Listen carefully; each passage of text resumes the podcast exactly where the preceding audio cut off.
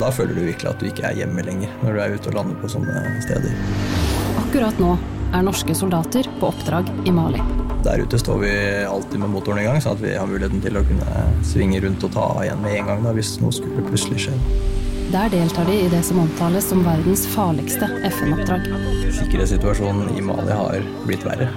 Det er flere angrep, det er enda mindre kontroll enn det var når vi var der sist. I denne episoden tar vi deg med inn i cockpiten og opp i lufta. Vi kommer til å fly over en av Nord-Afrikas største narko- og smuglerruter.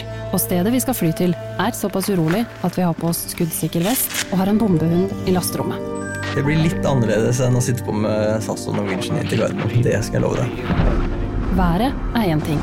De greiene vi ser over Østlandet på sommerstid i Norge, det er bare peanøtter i forhold til eh, det som skjer der nede veldig kjapt. da.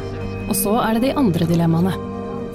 står vi på bakken i Mali, og ja, plutselig så eksploderer det et bombekastegranat inne på flyplassen. da. Hva gjør vi for noe? Hva er planen? I denne episoden får du høre historier som ennå ikke er fortalt fra den pågående FN-operasjonen i Mali. kjenner trykkbølger, så hører jeg eksplosjon, og da går tida sakte. Du hører Våre historier, en podkast av Forsvaret. Episode fire Der ingen andre vil fly. Det jeg gruer meg til, det er å si ha det bra til dem hjemme. I natt så reiser du. Reiser klokka fire-fem i natt. Åssen er det? Jeg kjenner det begynner å bruse i kroppen når jeg snakker om det. Jeg tror det går over for meg når jeg lander i Paris. Hva er du mest nysgjerrig på nå, da? Hvordan det er der. Hvordan rommet mitt er. Hvordan eh, skal jeg sove resten av eh, året. Om det er så varmt som de sier. Det her er Stian, 21 år, på vei til sin første internasjonale operasjon. Jeg gruer meg til den dagen jeg begynner å kjenne at uh, hjemlengsla kommer. Den dagen kan komme, den kan ikke komme. Men eh, når den kommer, så er det ikke en god følelse, tror jeg. I hvert fall ikke så langt unna. Og savnet til småsøsken og sånn. Jeg har seks søsken, så vi er en veldig stor søskengjeng. Er du en type som uh, lengter til hjemme innimellom? Innimellom så gjør jeg det, og er nettopp blitt onkel også til en liten gutt. Om noen timer reiser han til Mali. FN-operasjonen som har blitt beskrevet som FNs farligste oppdrag. Jeg har tatt med to bøker, da. Eller min mor har putta med to bøker i sekken min som hun sa at jeg måtte lese. Mamma ønsker at jeg skal lese mye bøker, da. Og jeg har tatt med to bøker fra Sven Hasel, som handler om eh, ja, Det er litt om andre verdenskrig og folk som reiser ut og sånn. Jeg har et brev opp her, ja. Det har jeg fått av min, eh, mine to onkelbarn. Det er eh, Mitt eldste onkelbarn tegna noen kryssedudler og litt sånn. da. Så har broren min og fruen hans skrevet litt brev. Det var litt koselig. Det fikk jeg på fredagen mens familien var samla. Og nå har du sagt ha det til eh, familien din. Mm. Hvordan var det, da? Det er ganske rart å si ha det. Det er alltid like rart å si ha det. Er du en sånn person som er eh, god til å si ha det, da? Jeg vil si jeg er god til å si ha det. Jeg går bort og tar dem i handa og gir en klem og sier ha det på den gode måten, da. Og eh, hva var det du sa til eh, søskna dine og sånn, da? Og, og foreldra dine? Nå drar jeg til Afrika, sa jeg. Og de blir helt sånn rar i ansiktet, og så de syns det er bare litt ekkelt å si ha det til meg. Så det ser jeg veldig godt på ansiktene deres. Småunger får med seg veldig mye, da. Og jeg har måttet prate ned dem, for de har sagt liksom at eh, storebror kan dø og sånn, da. Men eh, jeg kommer ikke hjem og lyver til dem og sier at det ikke er farlig, eksempel. Så jeg sier jo det er Det er ikke trygt, men det er ikke kjempefarlig. Det er ikke andre verdenskrig, som de tror. Så jeg tror de blir litt mer rolig når jeg snakker sånn med henne. Hva sa mammaen og pappaen din eh, til deg før du dro, da? Mamma og pappa som kjørte meg til flyplassen, og de sa ha det bra, og så en klem, og så kommer den regla da med være forsiktig og ikke gjøre det og det og det, da. Og så er jeg, jeg er glad i deg, og så ferie bare. Det er natt, det er Sahara, og det er stjerneklart. Det blafrer litt i gummiduken på teltet, men ellers er det stille. Klokka er fire om natta, det er helt bekmørkt, og varmen, den er som en vegg. Jeg står her og venter på pilotene Geir og Bård. Eller piloter, i Forsvaret bruker vi ordet flygere. Det neste døgnet så skal Geir og Bård på oppdrag over en av Nord-Afrikas største narkotika- og smuglerruter. De skal fly til de østlige, urolige områdene i Mali. Og du og jeg skal få være med i cockpiten. Den norske campen heter Camp Bifrost, og rundt deg så ser du nå sennepsgule militærtelt. Det er lagt grus og asfalt i leiren, bl.a. fordi slangene her er store og farlige. Så selv om du bare skal ut en rask tur for å tisse, så er det lurt å bruke lys. Om lag 80 nordmenn bor og spiser og sover her. I teltet bak oss ligger f.eks. veterinæren Sol og sover. Hun skal du få møte seinere. Litt lenger til høyre er teltet til elektrikeren og rørleggeren, og Geir og Bård bor i teltet til venstre. I den andre enden av campen så går Stian og lyser med ei lommelykt. Sjekker at alle låser er låst, at alt er som det skal. Lurer på om han har begynt å lese i den boka som mammaen sendte meg. Alle de som er her, har ett felles mål. Og det er å sørge for at flyet som det norske forsvaret stiller med, kommer seg opp i lufta og flyr for FN. Og der kommer Geir, han som skal fly. Hallo, hallo. Takk for sist. Hei, takk for sist. Er du eh, klar for å ha oss med i eh, cockpiten, eller? Ja, jeg er alltid klar. Er dere klare til å bli med, da? Jeg håper det, i hvert fall. Ja, det blir en uh, varm fornøyelse. Men det er dere vel forberedt på? Vi er uh, så forberedt som vi kan være, tror jeg. Ja. Hjelm og vest og vann. Absolutt. Får dere i hvert fall følt litt på kroppen eh, hvordan det er å, å være med på en sånn operasjon. Vi kan snakkes etter middag og se hvor mye som er igjen av dere. Så jeg anbefaler vannflasker og Gatorade og pulver og salttabletter og diverse for å holde koken. Det er et Hercules-fly vi skal få sitte på i. Det er et stort transportfly. Og hvis du nå tenker at du ikke er så interessert i å fly, så har du ikke sittet på i et Hercules-fly. For når et militært transportfly skal lande i et område hvor det kan bli skutt på, så kan det f.eks. hende at du må gjøre noe som ligner på en korketrekkerlanding. Det er en sånn type landing hvor det er greit å ha festa setebelte. Og når vi lander, så kommer Geir til å ha tommelen hvilende på én spesiell knapp. Det er den knappen han skal trykke på dersom missilvarselet går. Dere kan eh, bli med inn her, så skal vi brife opp eh, oppdraget. Så ta noen stoler bakerst, så er det bare å følge med, så får dere godt innblikk i hvordan vi har tenkt å løse dagens eh, mission. Geir har fløyet Hercules i fem år. Før det har han bl.a. vært jagerflyger. Nå har han på seg en ørkenfarga flightsuit. Det ser litt ut som en kjeledress. Og så bærer han på en laptopveske og en litt større bag. Oppdraget vi skal være med på, starter sånn som de fleste militære oppdrag. Med det man kaller en brief. Og brief det kan høres litt kjedelig ut, men jeg har lyst til å ta deg med likevel. For det er først når du virkelig har skjønt greia med en brief, at du også forstår hvordan militær tankegang fungerer. Målet med en brief er at alle skal vite hva oppdraget går ut på, og hvordan de skal løse det. Man får gjerne også vite hva egne etterretningskilder har plukka opp fra det aktuelle området. Brief det skjer både kvelden før et oppdrag, og deretter like før man drar ut, bare for å være helt sikre på at alle har den sist oppdaterte informasjonen. For det er ikke sånn at man bare setter i gang uten en plan. Ofte fins det også en plan B og en plan C. Og hvis du nå står bakerst i rommet og ikke har vært med på en militær brief før, så kan det hende du blir litt bekymra. For i brifen så går man også gjennom alt som kan skje. Alle worst case-scenarioer, alle mulige trusler og utfall. Og ganske ofte så er de utfalla verre enn det du har greid å tenke deg ut på egen hånd. Hvis noe skulle skje, hva gjør du? Står vi på bakken i Mali, og plutselig så eksploderer det et bombekastegranat inne på flyplassen, da? Hva gjør vi for noe? Hva er planen? Er planen da bare å hive på oss vesten og hjelmen og løpe inn i nærmeste shelter? Eller skal vi fyre opp alle motorene og stikke derfra så fort som mulig? For vi vet jo ikke om det kommer 20 granater til, eller om det kommer fire pickup-trucker med gærninger med gevær som skal begynne å skyte. Soldater derimot, de blir ikke bekymra etter en brief. De liker brifen. For dem så er nettopp det å ha en plan og ha tenkt gjennom ulike scenarioer en forutsetning og en trygghet. De vet at hvis noe skjer, så skjer det raskt. Så det å analytisk veie ulike alternativer opp mot hverandre, det er noe de gjør før oppdraget, og ikke noe de begynner med idet det smeller. Alltid ha en plan B. Og kanskje C. For det er mange ting som kan skje, og du vet aldri hva som skjer. Du må bare kunne løse det der og da, rett og slett. Men har du tenkt gjennom scenarioer, og hva du kommer til å gjøre hvis ulike ting skjer, så er det jo mye lettere å ta den riktige avgjørelsen der og da. For du vil jo bli stressa når noe skjer. Og da er det lett å bare hoppe på en annen løsning, og så var den man kanskje ikke så gjennomtenkt allikevel, da, når du finner ut etterpå tenke litt gjennom hva det var vi egentlig gjorde. Står vi der fortsatt med motoren i gang? Er det raskt for oss å stikke?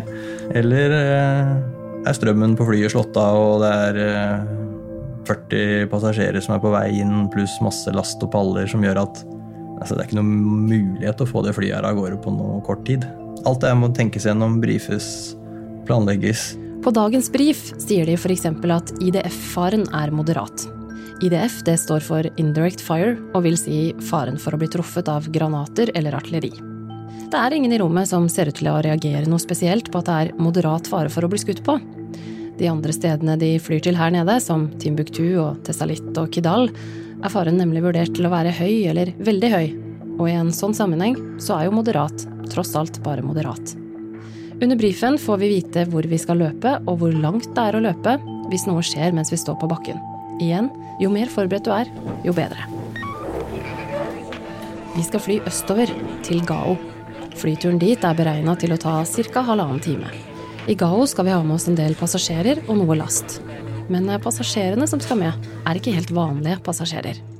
Det er tidligere militanter som har eh, blitt enige med FN om å motta lønn fra dem, og blitt trent å gå inn i den malisiske hær. Så det her er tidligere krigere, alt mulig rart, fra forskjellige grupperinger eh, fra Nordøst-Mali, som eh, mest sannsynligvis har vært på en fiendtlig del av eh, operasjonen tidligere, men nå har sagt seg enige til å gå over på Mali sin side. da. Så det er litt sketsjy å fly sånne type passasjerer, da. For vi vet jo aldri. sånn at vi er jo supernøye med søket av de før de får lov til å gå om bord. Både med bombehund og metalldetektor og kroppsvisitasjon. Så det tar også da veldig lang tid da, å ta disse passasjerene om bord. Og tid på bakken, det ønsker man å redusere. Både på grunn av varmebelastningen og på grunn av trusselnivået i området. Om Geir er bekymra for å fly passasjerer som han ikke kan være helt sikker på? Ikke så veldig. Nei, så lenge vi har en god sikkerhetssjekk med de som kommer om bord. I tillegg så har vi med oss bevæpna vakter som er trent på å også håndtere personell om bord i en flymaskin. da. Geir og mange andre i Forsvaret er selektert på å ikke være så bekymra. De er selektert på å være rolige i stressa situasjoner. Og det gjennomsyrer personligheten deres også i måten de svarer på spørsmål. Hvis du hører litt godt etter i resten av episoden, så vil du høre at det nesten er en form for britisk understatement, underdrivelse, i måten de prater på. De dramatiserer ikke, og de overdriver sjelden. Sånn som her, for eksempel. Her spør jeg Geir om hva de kommer til å gjøre dersom noen av de tidligere opprørerne begynner å lage bråk i flyet mens vi er i lufta. Det Geir egentlig svarer her, det er jo at planen rett og slett er å fly dem i senk. Men han sier det på en så rolig måte at du nesten, nesten ikke får det med deg. Og vi har også prosedyrer hvor vi kan uh, bruke flyet til, uh, til, vår fordel med koordinering med de som er bak. Så en liten kommando fra de bak, så holder de seg fast, og så pusher vi over. Og så henger disse som lager bråk, de henger i taket av flymaskinen og kommer fort ned igjen. Så da går det an å få kontroll på de. Men det vi er mest redd for, er jo eksplosiver. Det skal komme om bord et eller annet. Om én eller to mann lager bråk, det tror jeg vi klarer fint å håndtere. Men det største problemet er jo å få om bord noe som går av. Men det har vi kontroll på, tror jeg, med med hund og crossvisitasjon. Nå tar Geir og Bård fram et skjema med en haug med avkrysningsbokser. Uansett om det er en treningstur i Norge eller et skarpt oppdrag i Mali, så går flygerne gjennom dette skjemaet før de flyr. Her krysser de av for ulike faktorer som har innvirkning på risikoen for turen. For eksempel hvor mye søvn folk har fått, om det er spesielle forhold med vær eller ruta, osv. Til slutt legger de sammen tallene og får en samla risikoscore for flyturen. Her er det stort sett eh, greit alt sammen. Lav her. Og så kommer han litt høyere og moderat på den. Alle har sovet lite og dårlig. Ja. Det er stort sett det som er eh, ikke virkelig dårlig, men eh, alle får to. Ja, år ja. ja. Det er enkel Sånn sett en enkel legg. Tur, ja. Tur, ja, det er greit. grei, veldig greit. tur. Det er greit at det ikke er mer komplisert. Ja. Det eneste jeg tenker her, er jo fugler og Silling og Viss kan være litt dårlig visibility der. Ja, dust oppi ja. Ja, og litt sånn climate-greier. Ja. Nei, eh, bekymringa er eneste jeg tenker på, søvn. Så ja. pass på hverandre. Så det går bra. Good. Ta pause underveis. Det går nok vi klare. Ja, det drar vi. God tur. Den lyden du hører nå, det er en lyd mange i Forsvaret kjenner igjen. Du hører kanskje også at det er lyden av kraftige borrelåser. Men for en soldat så er det her også lyden av å ta på seg skuddsikker vest. Det er lyden av å gjøre seg klar til et oppdrag. Følelsen av å være litt spent, klar for å komme i gang, fokusert. Vesten uten ekstrautstyr veier 11 kilo. Og i 45 varmegrader så skal du ikke gå så mange skrittene før du merker at du har 11 kilo spent fast på kroppen. All sivil flytrafikk er stengt i det området vi skal til. Så for å være med her, så må du ha utstyret i orden. Det er fremdeles mørkt når vi kjører ut av den norske delen av FN-leiren Camp Bifrost. Stian vinker oss gjennom porten.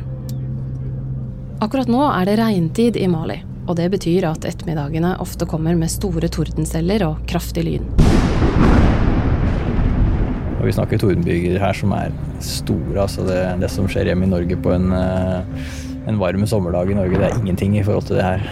Her kan vi sammenligne med sånne superceller som man hører om i USA, som eh, produserer vanvittig regn, fallvinder, windshear. Alt mulig da som er skummelt for flyvning. Så det blir litt sånn katt og mus å prøve å komme seg tilbake igjen da, etter å ha vært og flydd eh, øst i Mali. Og så skjer gjerne det her rundt. eh, Så jeg tror eh, vi kommer til å følge godt med på været denne gangen. Vi hadde jo et fly som ble skada sist av lynnedslag. Og det var vel ute til reparasjon borti England i seks måneder, tror jeg. Det var masse småhull overalt i skroget. og mye strukturskader som måtte repareres. eh, Så det tok veldig lang tid.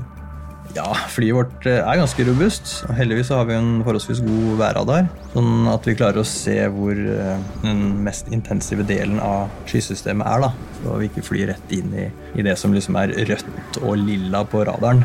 Det må vi ikke fly inn i. Der inne kan det være så store variasjoner i oppadgående og nedadgående luftstrømmer at det kan bli ekstrem turbulens som rett og slett eh, kan overgå de strukturelle egenskapene til et fly. altså. Så vi flyr ikke inn i så kraftige deler av tordenbygene, men og vi prøver å gå så langt unna som mulig. da, Her så kan du jo bli zappa av lynet. Selv om du flyr i blå himmel ti eh, nautiske mil vekk fra en tordenbyge, så kan du være nærme nok allikevel til at, eh, at lynet tar deg. Hva er det hardeste uværet du har eh, fløyet i, da? Nei, det var kanskje den ene turen hvor vi hadde passasjerer som besvimte. da. Hvor vi havnet eh, godt inn i en sånn linje med stormer og hadde egentlig ingen utvei ut, annet enn å prøve å finne beste veien gjennom fargene på værradaren uten at eh, det skulle gå utover flysikkerheten. da. Det er jo spektakulært å se. For det er jo vegger med skyer, og du ser liksom eh, under så er det jo vanvittig regnvær. Du ser lynet går oppover i, i skysystemet og lyser opp hele toppen. og Det er jo et sånn fantastisk skue egentlig når du sitter der i cockpiten og, og får det så nært innpå deg. da. Men når du vet hvilke krefter det er som foregår inni de cellene, så må du ha veldig stor respekt for det. altså. Og det har jo bare med flysikkerheten og din egen sikkerhet å gjøre. I tillegg så er det jo mye turbulens og urolig luft rundt sånne systemer, så det er ikke kult å sitte bak en Hercules hvis vi skal uh, tvinge oss igjennom sånne linjer med tordenbyger og prøve å finne smarteste veien gjennom. For det, det kommer til å riste. Det gjør det. Hva kommer til å skje når vi lander i Gao? Geir har sagt at han ikke har så lyst til å stå på bakken i noe særlig mer enn én til to timer pga. risikoen. Og disse tidligere krigerne som vi skal plukke opp, hvordan kommer egentlig de til å oppføre seg? Kan vi stole på dem? Og ikke minst, rekker vi tilbake igjen før tordenværet kommer?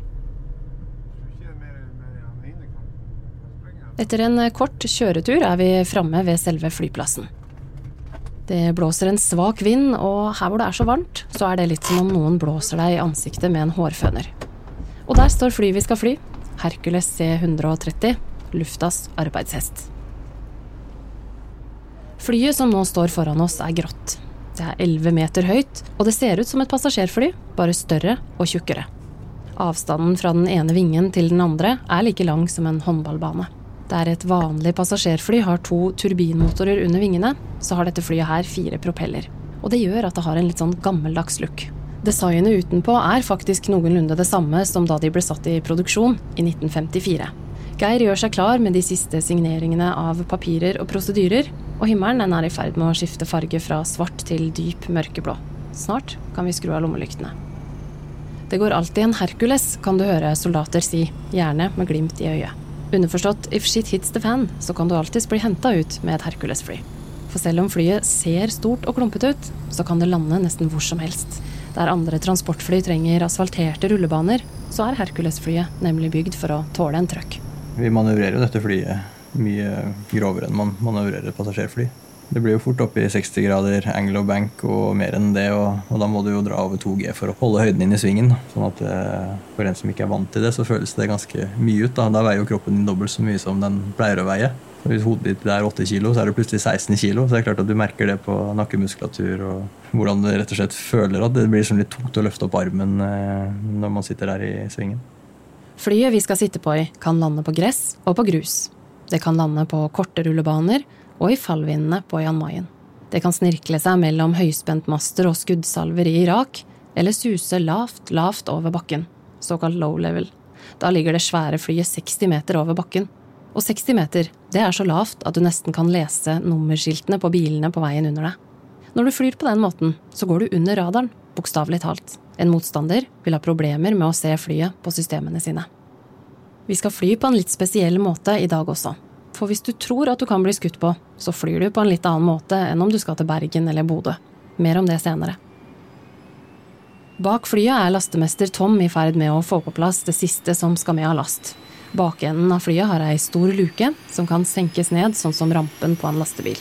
Fra denne bakluka så kan Geir f.eks. slippe ut spesialsoldater i fallskjerm. Og folk hopper ut, og da må jo vi på en måte være helt i riktig posisjon. Eh, sånn at de hopperne lander der de skal. Og da bruker jo datasystemene i flyet til å sette oss opp, og den beregner jo nøyaktig slippposisjon for hopperne i forhold til høyde og vind og temperatur og alt det her. Hercules-flyet brukes både i internasjonale operasjoner og hjemme i Norge.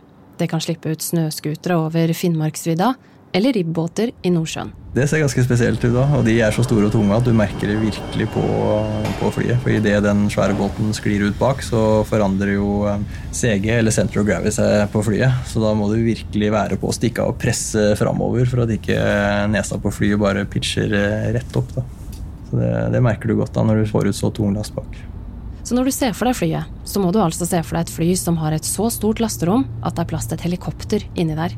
Eller flere biler. Hvis en pasient er for syk til å tas ut av en ambulanse, så kan helsepersonell bare kjøre hele ambulansen inn i flyet. Lasterommet kan rigges som et minisykehus, hvor du stabler bårer i høyden, eller som et rent passasjerfly for soldater. Da sitter de sidelengs, soldatene, sånn som du har sett på film, på nettingklappseter i mørket og ristingen og bråket. Nå går vi opp trappa til inngangen foran i flyet. Du og jeg har fått plass i cockpiten. Foran oss sitter Geir og Bård som flyr, og bak dem så sitter lastemester Tom. Første gang han fløy til Gao, det var i 2016. Da sto det fire kister der som de skulle ha med seg i flyet. Ja, det dør mye personell i FN-tjeneste i Mali, det er det. Men i vårt flycrew som er stasjonert i Bamako, vi ser elendighet, ikke misforstå meg. Vi ser mye elendighet, men uh, vi merker aldri noe direkte til trusselen. Han uh, var det som ble båret inn i flyet vårt. Tom vet det ikke ennå, men han skal få kjenne trusselen tettere på kroppen denne gangen. Men det må vi nesten ta senere. Vi spenner oss fast bak lastemester Tom og tar på oss headset med mikrofon, sånn at vi kan høre hva piloten Geir og de andre prater om. Og så plugger jeg opptakeren min inn på sambandet, sånn at vi også hører kontakten med tårnet og andre fly. Og så dras vi bakover i setet. Over seteryggen til Geir henger overlevelsesvesten hans. Noen bager sklir bakover idet farta går opp. Utenfor vinduet rød sand som farer forbi. Og så tar vi av. Bak i lasterommet sitter en bombehund og soldatene som skal sikre oss på bakken. Gao neste. Under oss ligger store og øde ørkenområder i gult og brunt og litt rødt. Og akkurat nå så flyr vi på en litt spesiell måte. Det som er spesielt, er jo at eh, luftrommet er kontrollert på en annen eh, måte. Det fins ikke eh, radardekning. Sånn at vi flyr under noe som heter prosedyrekontroll, hvor vi rapporterer hele tiden hvor vi er hen i forhold til punkter. Og så gir vi estimater på når vi kommer til å være på punkter som ligger fremover på ruta vår. Jeg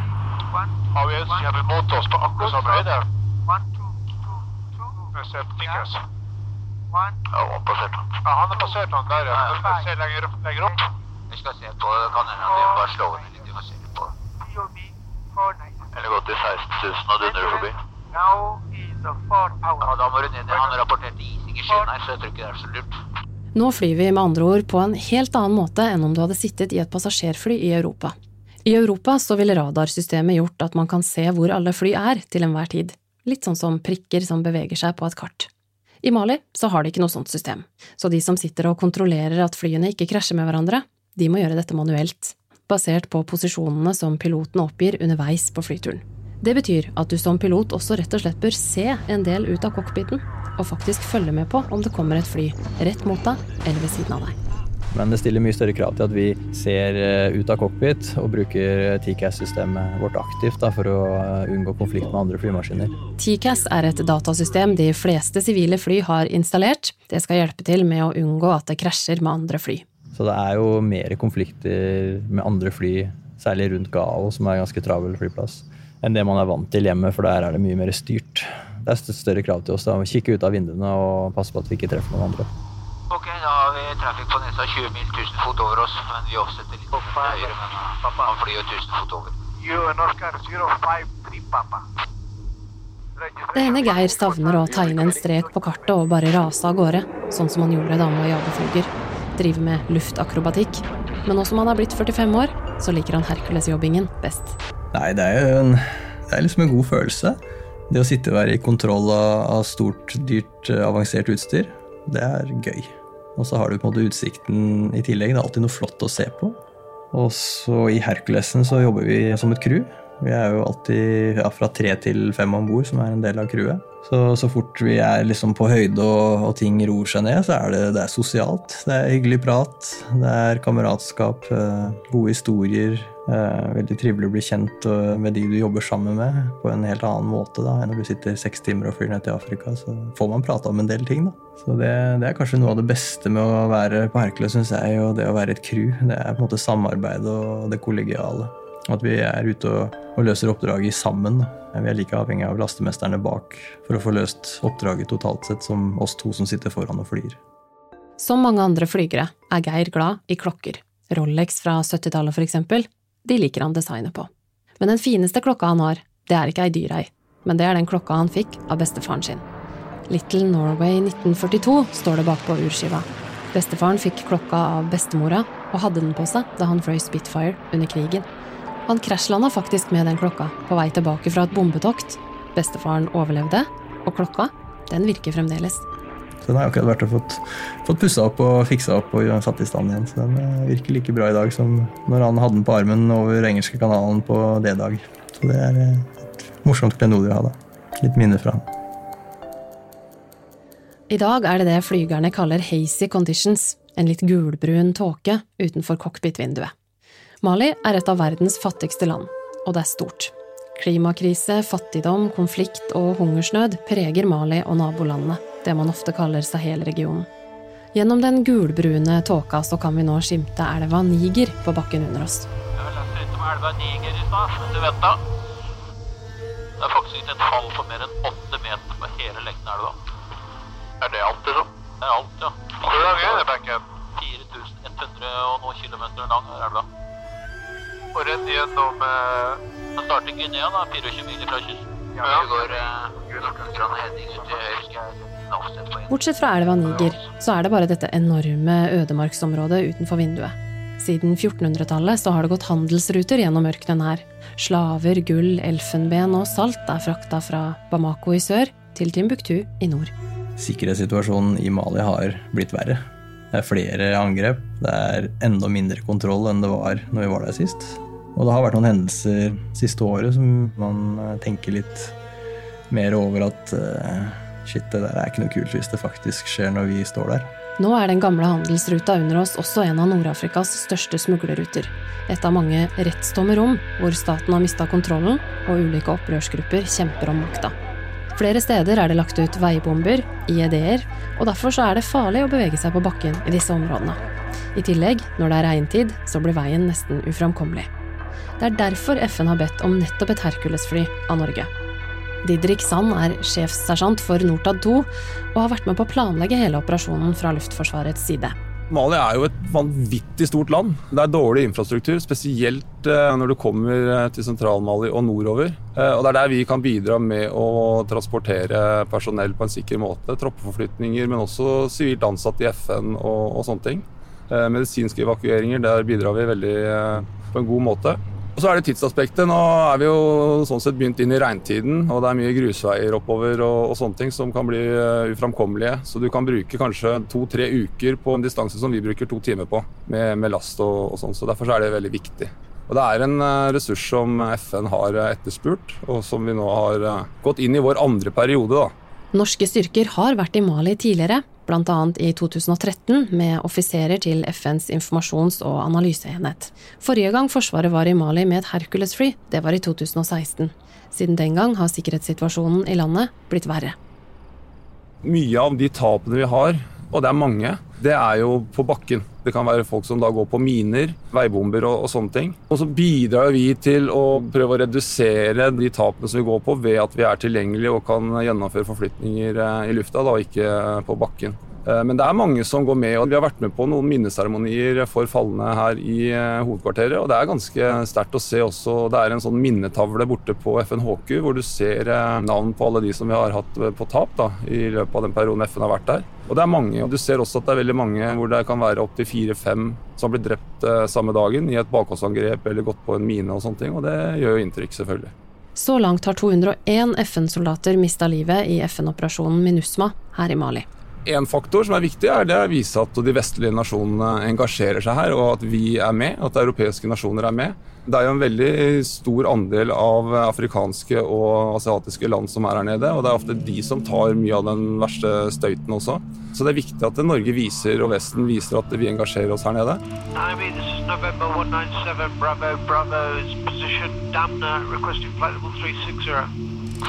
Langt her ute i ørkenen, gjennom den gulbrune tåka, kan vi så vidt skimte Fatimas hånd, en fjellformasjon på 2000 meter som skjærer rett opp fra den røde sanda.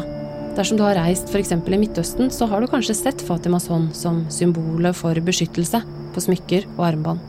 Ute i ødemarka i Mali ser det ut som om fjellet strekker to spisse fingre mot himmelen. Selv om vi flyr i et luftrom som er stengt for all sivil flytrafikk, og hvor det ikke finnes radardekning, og vi snart skal lande på et sted hvor det er fare for angrep, så er dette her også en ganske vanlig tirsdag på jobb for Geir og Bård og Tom. Ok, takk, jeg skal si fra hvis jeg vil ha. Det er veldig bra service her, altså. Ja, skal vi uh, få invitasjon til en bra fest, så får vi jo uh,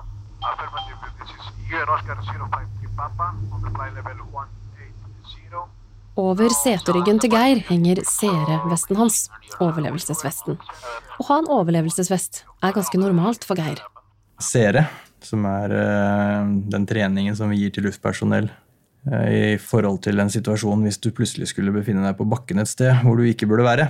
Sere står for Survive, Evade, Resist og Escape, og er nødvendig for flygere som Geir, som for eksempel har en seks-sju flyturer til Irak i løpet av et år. Han var også med på å fly ned norsk helsepersonell og utstyr da ebolaepidemien sto på som verst. Hva har man egentlig i en overlevelsesvest? Du, der er det alt av grunnleggende survival-utstyr. Og så er det alt mulig av sånn utstyr for å kunne signalisere på ulike måter. Alt fra signalspeil til en mer avansert eh, nødradio med satellittkommunikasjon og GPS innebygd etc. etc. for å eh, kunne oppgi vår posisjon eh, kryptert f.eks. til eventuelle styrker som skal komme og hente oss ut. da. Og så har vi gått med vann. En camelback med to til tre liter vann. Og spesielt i de områdene vi opererer hvor det er varmt så er det jo mest sannsynlig at det er det som kommer til å ta livet av oss uh, før noe annet. da. Det er rett og slett å gå tom for vann. For det er ikke bare det å bli skutt på som er farlig for en soldat. Varmen i Mali gjør nemlig at bakterier og skadedyr trives godt. Og bakterier og skadedyr det er en såpass stor trussel at uh, vi må bruke litt tid på det. For mens vi befinner oss høyt oppe i lufta, så jobber nemlig en annen soldat nede på bakken med å bekjempe de truslene som kryper og kravler og kan gjøre folk sjuke. Her har vi, vi har deler av eh, en slange. Det er det som er igjen etter at han ble tatt livet av her i leir. Dette er Sol, veterinær i den norske leiren. Og hun har en litt spesiell samling på kontoret sitt. På den ene hylla står det flere store glass med insekter som er funnet i og rundt leiren. Hun løfter opp et glass med et stort, svart insekt i og forklarer. Vi har noen store knelere som er ganske vanlige rundt her. De er ikke i utgangspunktet giftige, men de er ganske svære og ekle. I tillegg så er de jo favorittmat til mange av gnagerne våre. Så når vi ser at vi får den type insekter inn i leir, så er vi litt ekstra obs. Det er strengt forbudt å ta med mat ut fra messeteltet der hvor man spiser, og det er det en enkel grunn til. Det skal ikke mer til enn noen brødsmuler eller litt energidrikkpulver, og så er kjeden i gang. Først kommer insektene, så kommer rottene, og så kommer slangene. Og slangene, de er farlige. Eh, Vi finner jo stadig slangeskinn som vi har liggende rundt, som de går ut av når de eh, vokser og flytter inn i leir, da, som de pleier å gjøre. Eh, Og så har vi jo et ganske fint eksemplar av en camel spider, som er giftig, stor edderkopp. Vi har jo bilder bl.a. på størrelse med eh, golfballer, som eh, dytter rundt på ting de har funnet på bakken. Så det er gøy å se, men det er nok litt uvant eh, arbeidsklima for mange, tror jeg. Som veterinær i Mali så har Sol mange roller. En av oppgavene er å følge opp tjenestehunden Don, den som er med og søker etter eksplosiver. I tillegg tar hun vannprøver, for nordmennene har et eget vannrenseanlegg i leiren. Sol har også ansvaret for å følge opp matsikkerheten, så hun gjør inspeksjoner litt sånn som Mattilsynet ville gjort hjemme i Norge. Leirhygiene, smittevern og skadedyr hører også til arbeidsoppgavene. Nå løfter hun opp den største glassbeholderen på hylla. Og så har vi en varan som vi også har funnet. De er jo den vi har på glass, er ikke så stor. Den er 25 cm hvis du trekker den ut, pluss litt hale. Men vi har eh, kompisen hans har vi på utsiden av leir, og den er en 120-130 cm lang. Så de er ganske store. Men de lar oss stort sett være i fred. De jakter frosk, eh, småfugl, den type ting. Så det er gøy. Artig å se på. Dersom vaktsoldatene kommer over noen skadedyr i leiren, er det Sol de tar kontakt med. Så det har vært eh, Noen av vaktsoldatene har innimellom ringt meg for å si sånn Du, nå har det akkurat gått noe i fella. Hvis de har hatt nattevakt, f.eks. Og da står jeg bare opp og tar det med en gang. For å være sikre på at, eh, at det er OK, da. At ingen lider unødvendig. Selv om det er rotter som er skadedyr for oss, så betyr ikke det at vi ikke skal behandle de som om vi ville gjort det hjemme i Norge, da. Vi forholder oss jo til eh, norsk regelverk og forskrifter også på skadedyrkontroll i leir. Her så fanger vi rotter som er så store at vi vet at det er vanskelig å ta livet av dem med en gang. Så da fanger vi dem i bur som er laget som en felle, som bare klapper igjen. Og så står de inne i buret og spiser peanøttsmør eh, til jeg kan komme og rolig og litt kontrollert da få avlivet dem. Så det er det bare jeg som gjør. Det er en sånn Det er viktig for oss at selv om det er skadedyr, eh, så skal fortsatt den avlivingen og håndteringen være på en OK måte. Da. Det skal være dyrevelferdsmessig forsvarlig, det vi gjør. Eh, så det er veldig strengt. Da. Det er ikke noen andre som skal inn og Ja, slanger og skorpioner. Da får jeg så oftest et bilde og en telefon. Så er det fram med krok og spade og støvler. Og så er det kort prosess på de slangene og skorpionene. Noen typer slanger spytter, og da, så vi er ganske bestemt på at man skal bruke briller når man eh, er i nærheten av de. Du kan ikke være noe særlig redd for sånn krypdyr og rotter og sånne ting sjøl, da? Nei, nei det, det er jeg ikke så veldig redd for, heldigvis. Det, det vokser man fort av seg her nede, tror jeg. Hvis man syns det er litt ekkelt i begynnelsen, så går det ganske raskt over. Eh, særlig rotter. De pouch-rattene som vi tar her, er jo en ja, halvannen kilo med rotte. Det er ganske mye rotte. Så da det slutter å være ekkelt ganske raskt. Du går, med, går her med et sånn peanøttsmørglass i hånda. Hva skal du med det? Det er, eh, det er åte til eh, de fangstfellene som vi har for gnagere rundt i leir. Eh, ja, det viser seg at det er det mest effektive åten for både, både rotter og pouchrats, da, som er de to som vi fanger mest. Så da får vi da kjøkkenet, og så gnir vi peanøttsmør eh, i fella, og det pleier å ha god effekt. Skal bak her. Da har jeg viltkamera, da. Ja, så du har et lite kamera som du følger med på. Ja, det er også en eh, video av eh, rotter som løser ut rottefella. Eh, og så spiser de opp eh, det de kommer til av åten inni etterpå. De er ganske smarte. Ja. Eh, de store rottene som vi fanger her, de er jo de samme typer rottene som brukes som mineryddingsrotter andre steder i Afrika. Så de er De er omtrent som hunder, da, sånn opplæringsmessig. Vi har jo noen utfordringer med å klare å få has på de innimellom. Når du ser for deg en norsk militærleir i Mali i Afrika, så ser du kanskje for deg at det er litt møkkete der. Mye sand og støv og leire, kanskje. Sånn er det ikke. I Camp Bifrost er det nesten like rent som på et sykehus. Den norske styrken er ikke større enn at hvis en lastemester eller en pilot blir sjuk, så går det utover hele oppdraget. Sånn sett er de litt som et stafettlag som skal delta i VM. Det er litt krise hvis en får magesjau.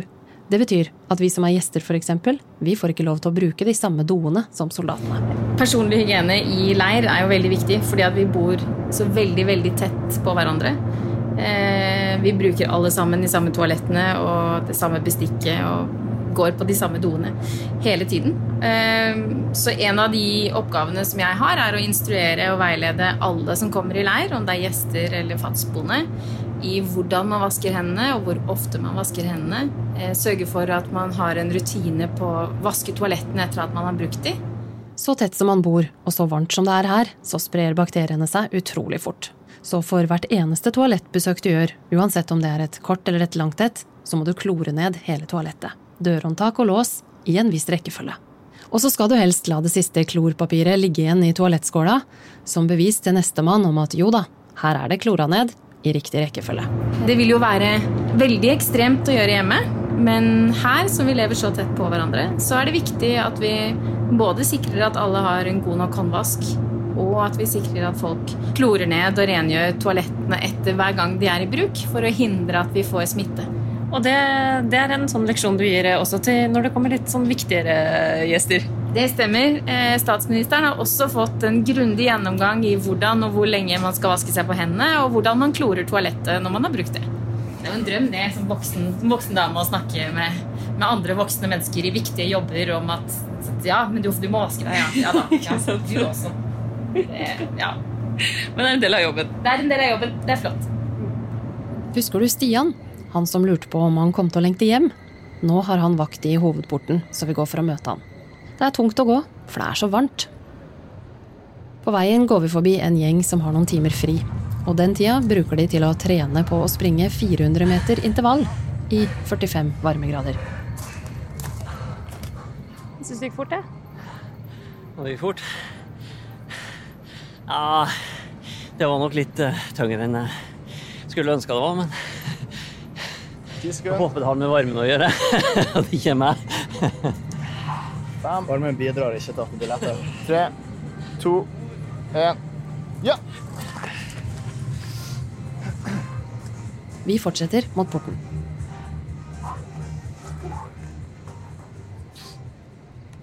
Takk for sist. Vaktbua er en ganske liten container. Innendørs surrer ei vifte, og en radio spiller musikk. Den durende lyden du hører i bakgrunnen, det er lyden av aircondition og aggregater. Det er en lyd som de som bor her, hører hele tiden, døgnet rundt, også når de sover. Det henger fluepapir på veggen, og inn gjennom nettingen på klappdøra siger det litt gulbrunt ørkenlys. Det er jo blitt beskrevet som eh, verdens farligste FN-operasjon, dette her. Hva tenker du om det? Så det gjør oss bare mer skjerpa å se at det er det.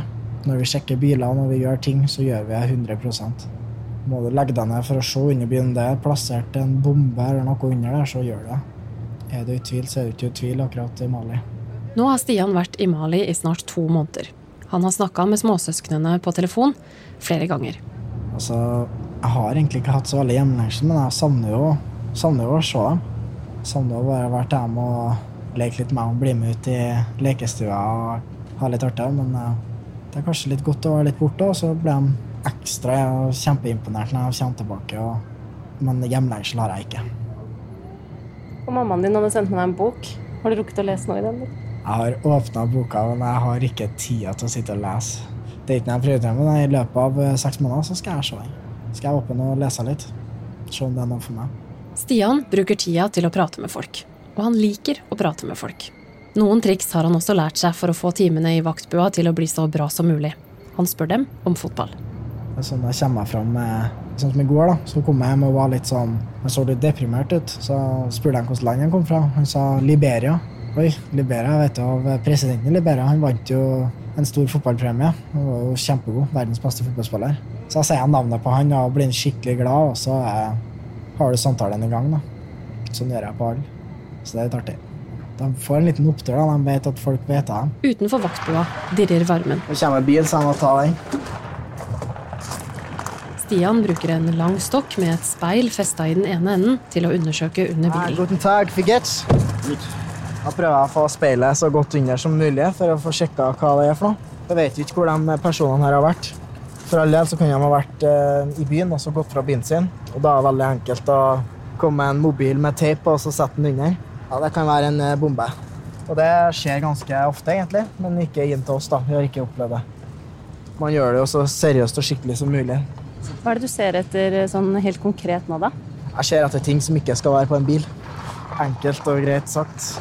Er det noe som ser unormalt ut, så stopper jeg, og så går jeg under bilen, og så ser jeg på det er for noe. Stian gir bilen tommel opp og klarsignal. En av de vanskeligste tingene med å være vaktsoldat er balansegangen mellom å gjøre noe veldig rutineprega hver eneste dag, samtidig som du skal være på i tilfelle noe skjer. Nei, For å være eh, vaktsoldat i Mali, så må du være på. Du må være på hele tida. Du må vite at ting kan bli jækla kjedelig, for du sitter jo rolig. Du sitter og venter på at noe skal skje. Men når det skjer, da, så må du være på. En del av vaktsoldatjobben handler altså om å være flink til å vente, og det å tåle å kjede seg. Og så snu helt om når det plutselig smeller, for innimellom så smeller det.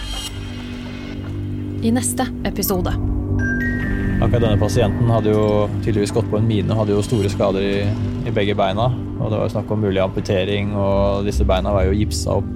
Og med så store skader så blir det jo veldig høyt trykk under bandasjer og gips og sånne ting. Så det å da gå opp i mindre lufttrykk vil jo gi han høyere smerter. Alt gikk egentlig som eh, normalt, som planlagt. Det var normal aktivitet på flyplassen. Ingenting som tilsier at det skulle bli noe spesielt den dagen. her. Så kjenner jeg trykkbølger, og så ser jeg ildkule, og da går tida sakte. Det er egentlig et varmeskap. For det øyeblikket du kommer inn dit, så er det ikke noe ventilasjon. Altså, hvis du har klaus, så får du det der inne. Du har hørt Våre historier, en podkast av Forsvaret. Intervju, manus og fortellerstemme var ved Hanne Marie Maugesten, og produksjon og lyddesign er gjort av Jørgen Bergstuen.